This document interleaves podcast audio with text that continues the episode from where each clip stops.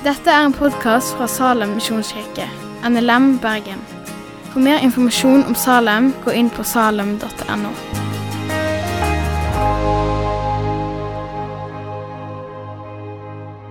Skal vi be sammen? Herre Far, vi ber om at du kan ta våre hjerter og puste liv i det. Jesus, la dette være ord til tro, ord til liv, ord til å leve på og ord til å dø på, Herre Far. Hellig oss i din sannhet. Ditt ord er sannhet. Amen. Skal vi reise oss og lese søndagens tekst, som er skrevet i eh, Johannes, Johannes evangelium, kapittel 3, og så er det vers 1-13. Det var en mann som het Nikodemus. Han var fariseer og en av jødenes rådsherrer. Han kom til Jesus om natten og sa, 'Rabbi, vi vet at du er en lærer som er kommet fra Gud.' 'For ingen kan gjøre de tegnene du gjør, uten at Gud er med ham.' Jesus svarte, 'Sannelig, sannelig, jeg sier deg:" Den som ikke blir født på ny, kan ikke se Guds rike. Hvordan kan en som, bli, som er gammel, bli født? sa Nikodemus. Kan noen komme inn i mors liv igjen for å bli født for andre gang? Jesus svarte, sannelig, sannelig, jeg sier deg. Den som ikke blir født av vann og ånd, kan ikke komme inn i Guds rike. Det som er født av kjøtt, er kjøtt, men det som er født av ånden, er ånd. Undre deg ikke over at jeg sa til deg, dere må bli født på ny. Vinden blåser dit den vil, du hører den suser, men du vet ikke hvor den kommer fra, og hvor den farer hen. Slik er det med hver den som er født av ånden. Hvordan kan dette skje? spurte Nikodemus. Jesus svarte, du er en lærer for Israel og vet ikke det. Sannelig, sannelig, jeg sier deg, vi taler om det vi vet, og vitner om det vi har sett, men dere tar ikke imot vårt vitneutsagn. Hvis dere ikke tror når jeg taler til dere om det jordiske, hvordan kan dere da tro når jeg taler om det himmelske? Ingen annen er steget opp til himmelen enn han som er steget ned fra himmelen, menneskesønnen som er i himmelen. Da kan dere få sett dere igjen. Nikodemus eh, må ha vært en mann som er litt oppe i åra. Eh, siden han er medlem av Det jødiske rådet, en av de 70. Han var veldig godt kjent med Skriftene når han fikk være i det rådet.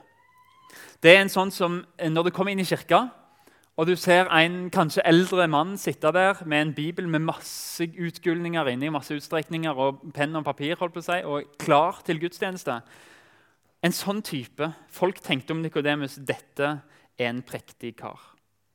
Han har alt i orden hvis du ser på det ytre. Det er ikke en sånn type som du ser på og tenker han der trenger å omvende seg. Du tenker han her har alt på stell. For han var en leder i jødedommen. Men så kom han om natta, og det er viktig i Johannes-evangeliet. fordi Når Johannes skriver om natt og mørke, så skriver han faktisk sånn som Judas. Han gikk ut i natta. Nikodemus kom om natta, og så kom Jesus til mørket. Mørket tok ikke imot det. Og verdens lys kom til mørket. Johannes skriver ikke bare om at han kom etter sola var gått ned, men Johannes sier jo at han kom i åndelig mørke. Det er sånn Johannes bruker det begrepet om åndelig mørke. En åndelig uvitenhet. Selv om Nikodemus kan mye, så er han likevel i mørket.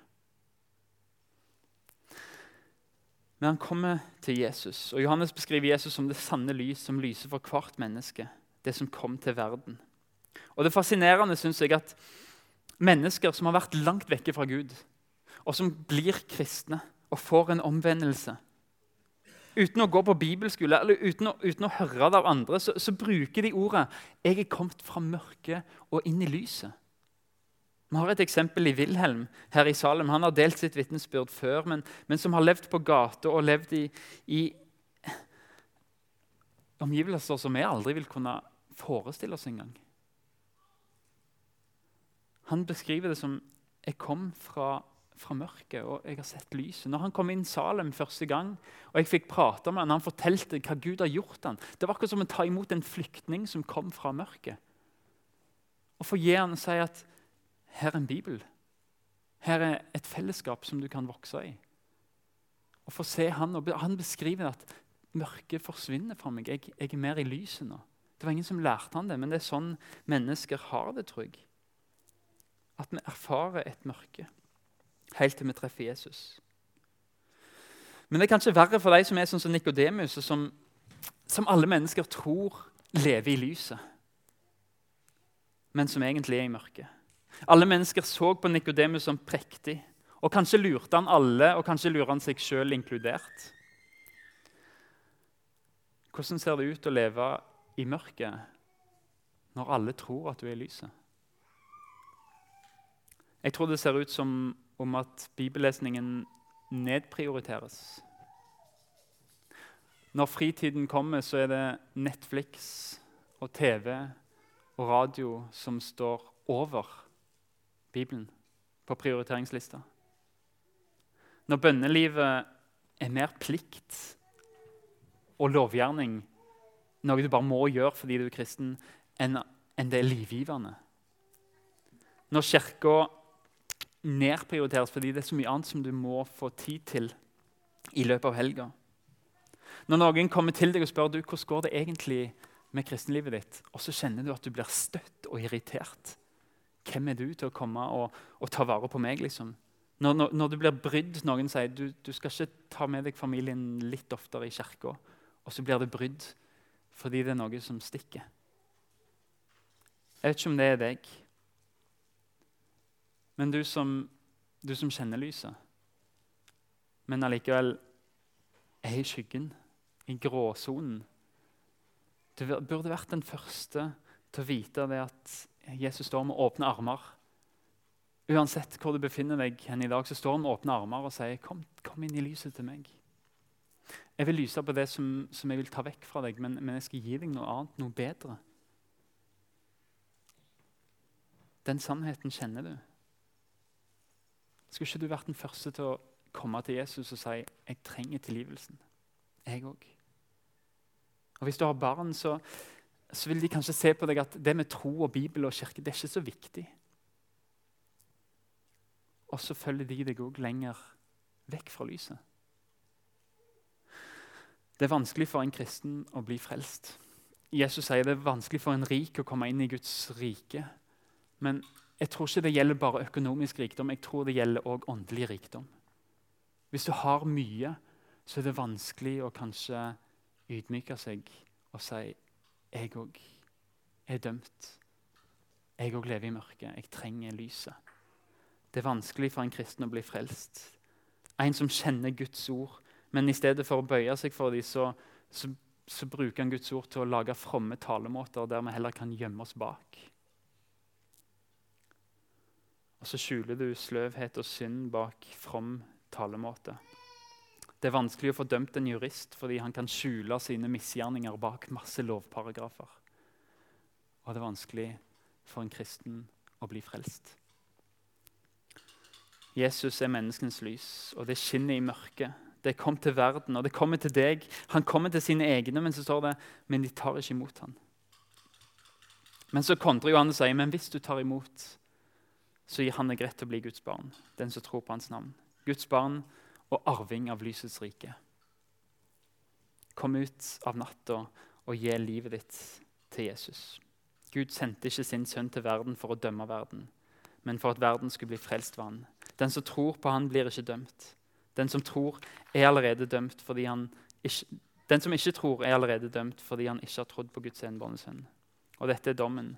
Lyset er kommet til verden, men mennesket elska mørket høyere enn lyset fordi gjerningene deres var onde.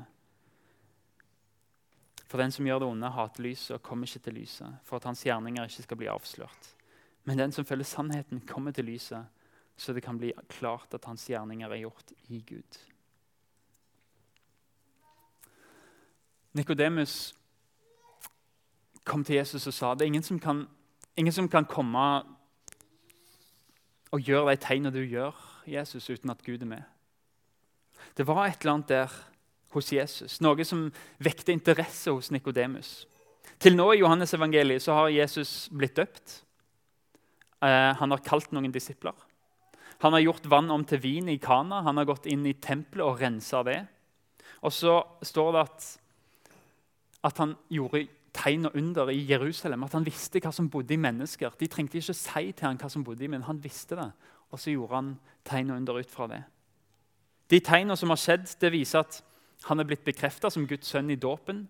Gud kom over Jesus, sendte en hellig ånd og sa han, dette er min sønn, som jeg har behag i.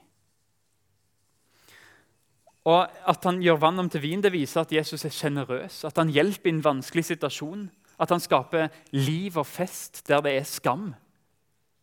Der de ikke hadde mer vin igjen, som egentlig var en skamfull situasjon. Så Jesus er sjenerøs og berger de ut fra den. Og så er Jesus vred i tempelet fordi folk prøver å gjøre business ut fra Gud og begrense hvem er det som får komme i tempelet. Er det kun de rike? Og Han gjorde mange tegn i Jerusalem der det var tydelig at Jesus visste hva som bodde i mennesker. Det var noe, Folk så at han kjenner jo mennesker på dypet. Og så gjør han tegn under som, som griper rett inn i deres liv. Han talte sannheter inn i livet deres. Det er Jesus. Det var det Nikodemus hadde sett. at Her er det en som har en trygg identitet, som, som går rundt og kjenner at 'jeg er elsket av Gud'. Jeg er sendt av Gud. Her er det en som er sjenerøs.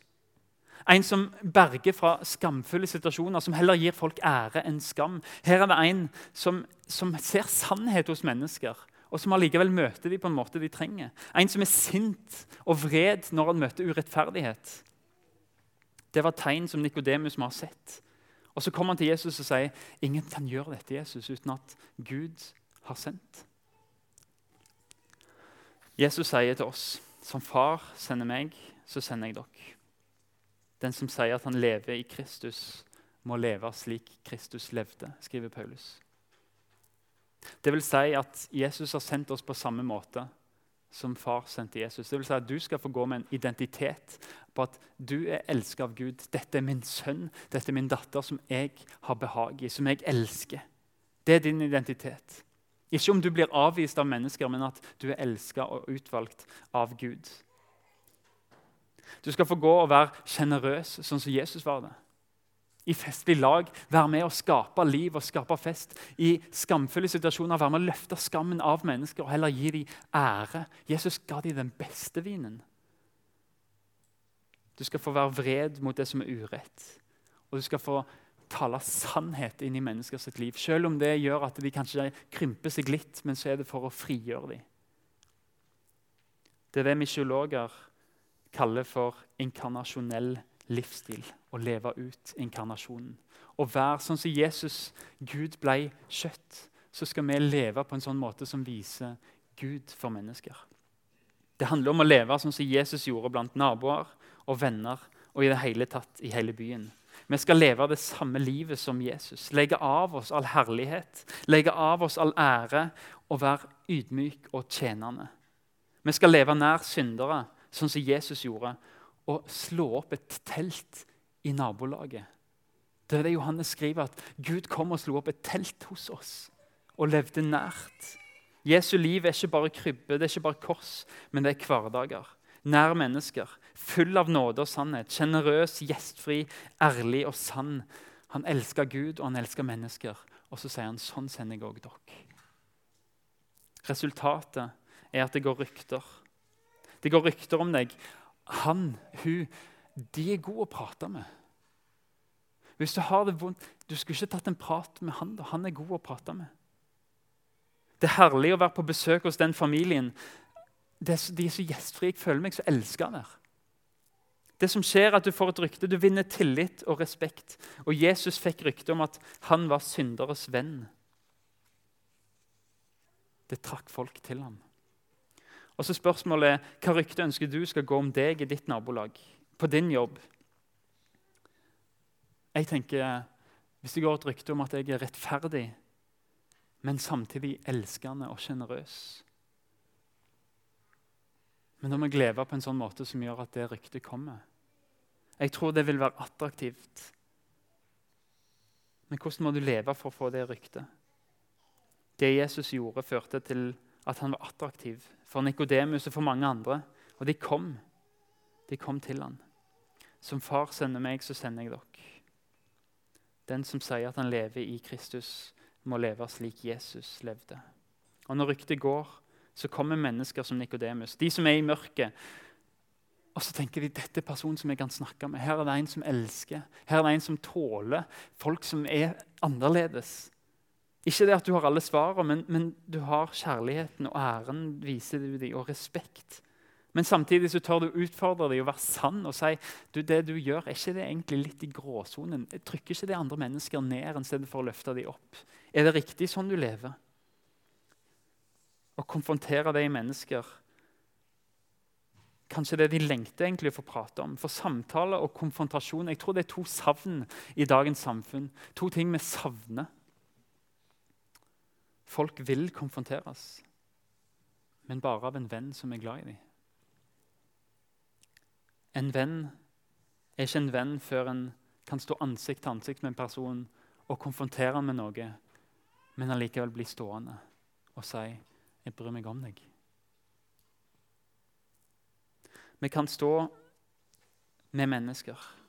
Vi kan konfrontere dem og fortsette å elske dem i visshet om at når de har hørt det vi har å si Ja, de kan avvise oss, eller de kan takke oss, men vi har gjort vårt. Det er Guds oppgave resten. Og om de avviser oss, så ja, ok, men vi har en identitet i Gud som elsker oss. Om mennesker avviser meg, så, så er det greit, men jeg har fått satt sannheten til noen. Og så elsker Gud meg. Og det er min identitet, det er min trygghet. Det er han som må skape forvandling. Du når denne livsstilen med å gå Jesu vei. Jesus Immanuel, Gud med oss. Tenk om vi kunne vært sånne som fikk Gud til å gå med mennesker. Jeg tror vi kan gjøre det gjennom å vise hvordan Gud er, og gå sammen med dem. Så leder vi dem kanskje dit. Det tar tid, og ingen kan gjøre det uten at Gud er med han. Jeg vet ikke om Nikodemus hadde en agenda med å komme til Jesus, eller om han bare er nysgjerrig. Kanskje vil han knytte kontakt med denne undergjøreren, han som gjør under. og Kanskje kunne Nikodemus fått litt mer makt hvis han fikk Jesus over på sitt lag, og kanskje tråkka seg litt lenger opp blant de 70 rådsherrene.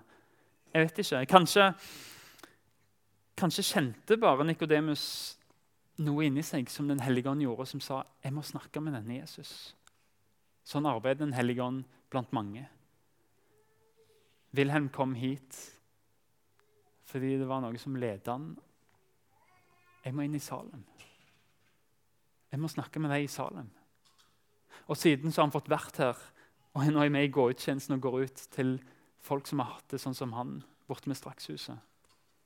Og jeg må lede det arbeidet på å invitere de inn til Jesus. Gi dem kaffe, gi dem respekt og prate med dem. Og det skaper nysgjerrighet. En gang så gikk han på gata her i byen.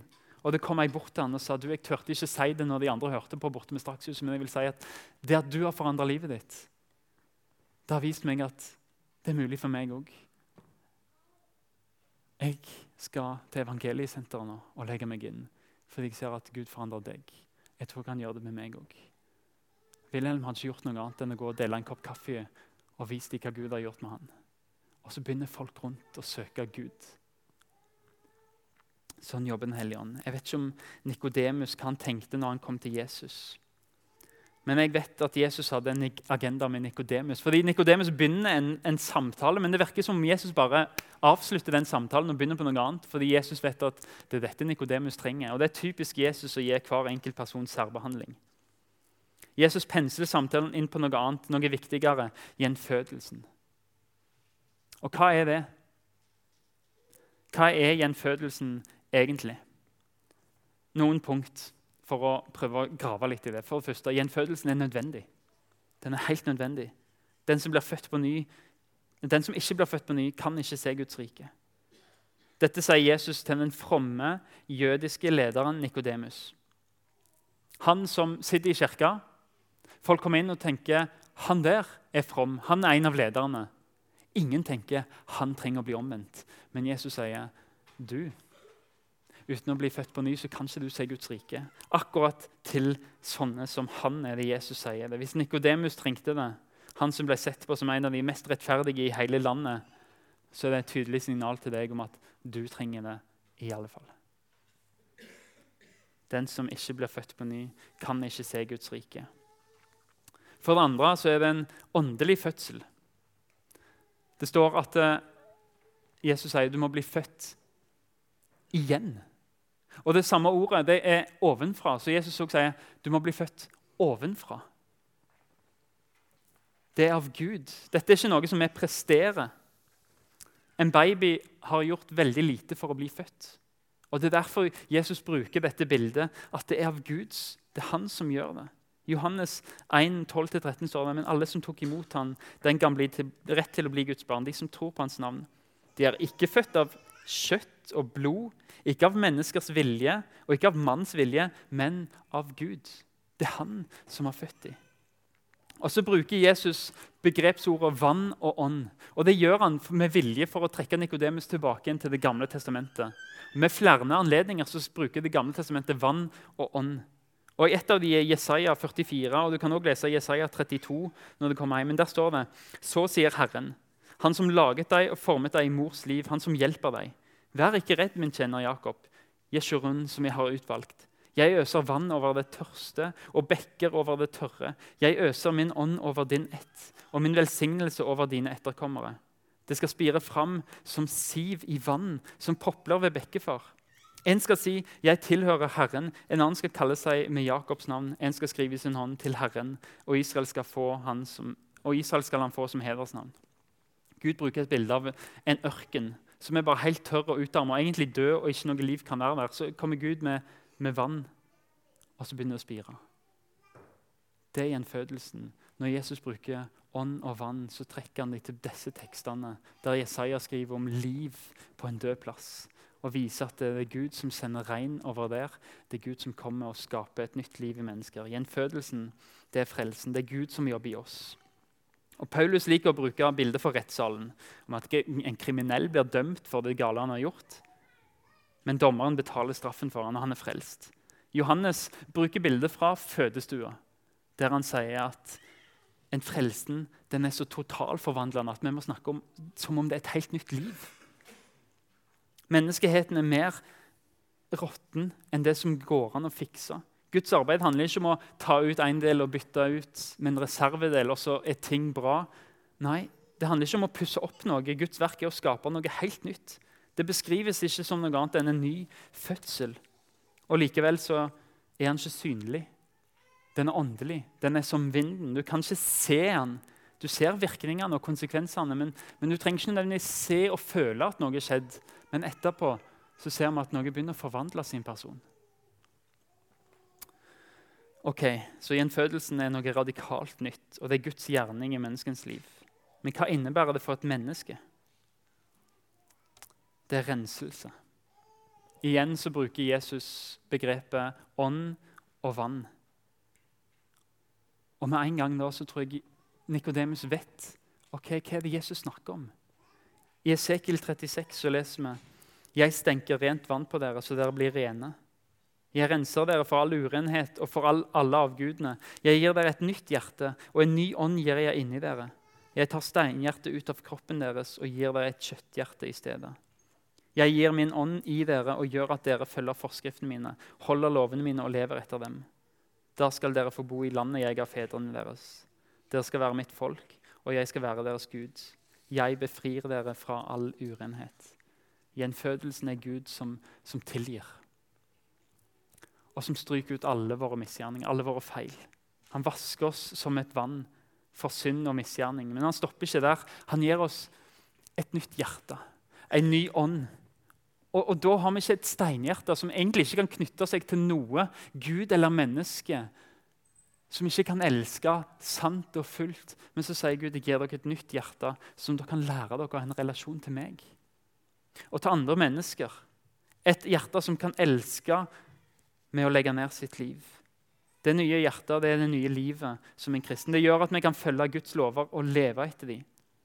Det er den radikale forandringen som gjør oss i stand til å leve et liv i relasjon til Gud, i bønn og Bibel og i vekst. Men hvordan kan dette skje nå? Gjenfødelse. Det står ikke i dagens tekst, men det står videre med å tro på Jesus og apostelens vitneutsagn, evangeliet, et budskap. Evangeliet er ikke et budskap om hva du må gjøre for å bli kristen det ordet evangeliet det, det, det, det, er nyheter. Du ser for deg et slagmark på, i antikken. og Der det var et slag langt ute på noen sletter. To herrer som møttes, og den ene herren vant. De i byen de visste ingenting hvordan det hadde gått. Det var ikke noe SMS, ingen sosiale medier, men det var én kar som sprang fra slagmarka der de hadde vunnet, som sprang inn til byen med nyheten dere har vunnet. De i byen trengte ikke gjøre noen ting for å vinne det slaget, men de måtte leve i seieren. Evangeliet det er nyheten som kommer fra slagmarka. Dere har vunnet. Vi skal ikke gjøre noe, men vi skal få leve som seierherrer sammen med de som har vunnet. Det er sånn gjenfødelsen skjer. En tror det budskapet. Og Slik Moses løftet opp slangen i ørkenen, slik må menneskesønnen bli løftet opp. For at hver den som tror på han skal ha evig liv. For så høyt har Gud elsket verden at han ga sin sønn den enbårne, for at hver den som tror på han, ikke skal gå fortapt, men ha evig liv. Skal vi be sammen? Herre Far, takk for at evangeliet er nyheter, og at det ikke er en oppskrift, men at du har gjort det. Takk for at du kom til mørket med lys. Herfra jeg bekjenner at av og til så Selv om jeg kaller meg en kristen, så er det ting i mitt liv der jeg lever i skyggene, i gråsonen og kanskje til og med i mørket. Men Herre Far, dra meg inn til lyset. Sett inn lyskaster på alt i mitt liv som ikke er ære deg. Tilgi og rens med vann og ånd. La meg få være det nye livet, det nye hjertet som kan elske deg og elske andre mennesker. Herre Far, jeg ber om at du sender oss sånn som du sendte Jesus. Med ydmykhet, med sjenerøsitet, med åpne armer, som venner av syndere. Jesus, gi oss ferdiglagte gjerninger å gå i der vi kan være deg i nabolag, på skoler, på arbeidsplasser, i familie, blant venner. La oss få være dine representanter her, far. Det ber vi om i ditt navn. Takk for at du har hørt på podkasten fra Salem, Bergen. I Salem vil vi vinne, bevare, utruste og sende, til Guds ære. Vi ønsker å se mennesker finne fellesskap, møte Jesus og bli disippelgjort her i Bergen og i resten av verden. Vil du vite mer om oss, gå inn på salem.no.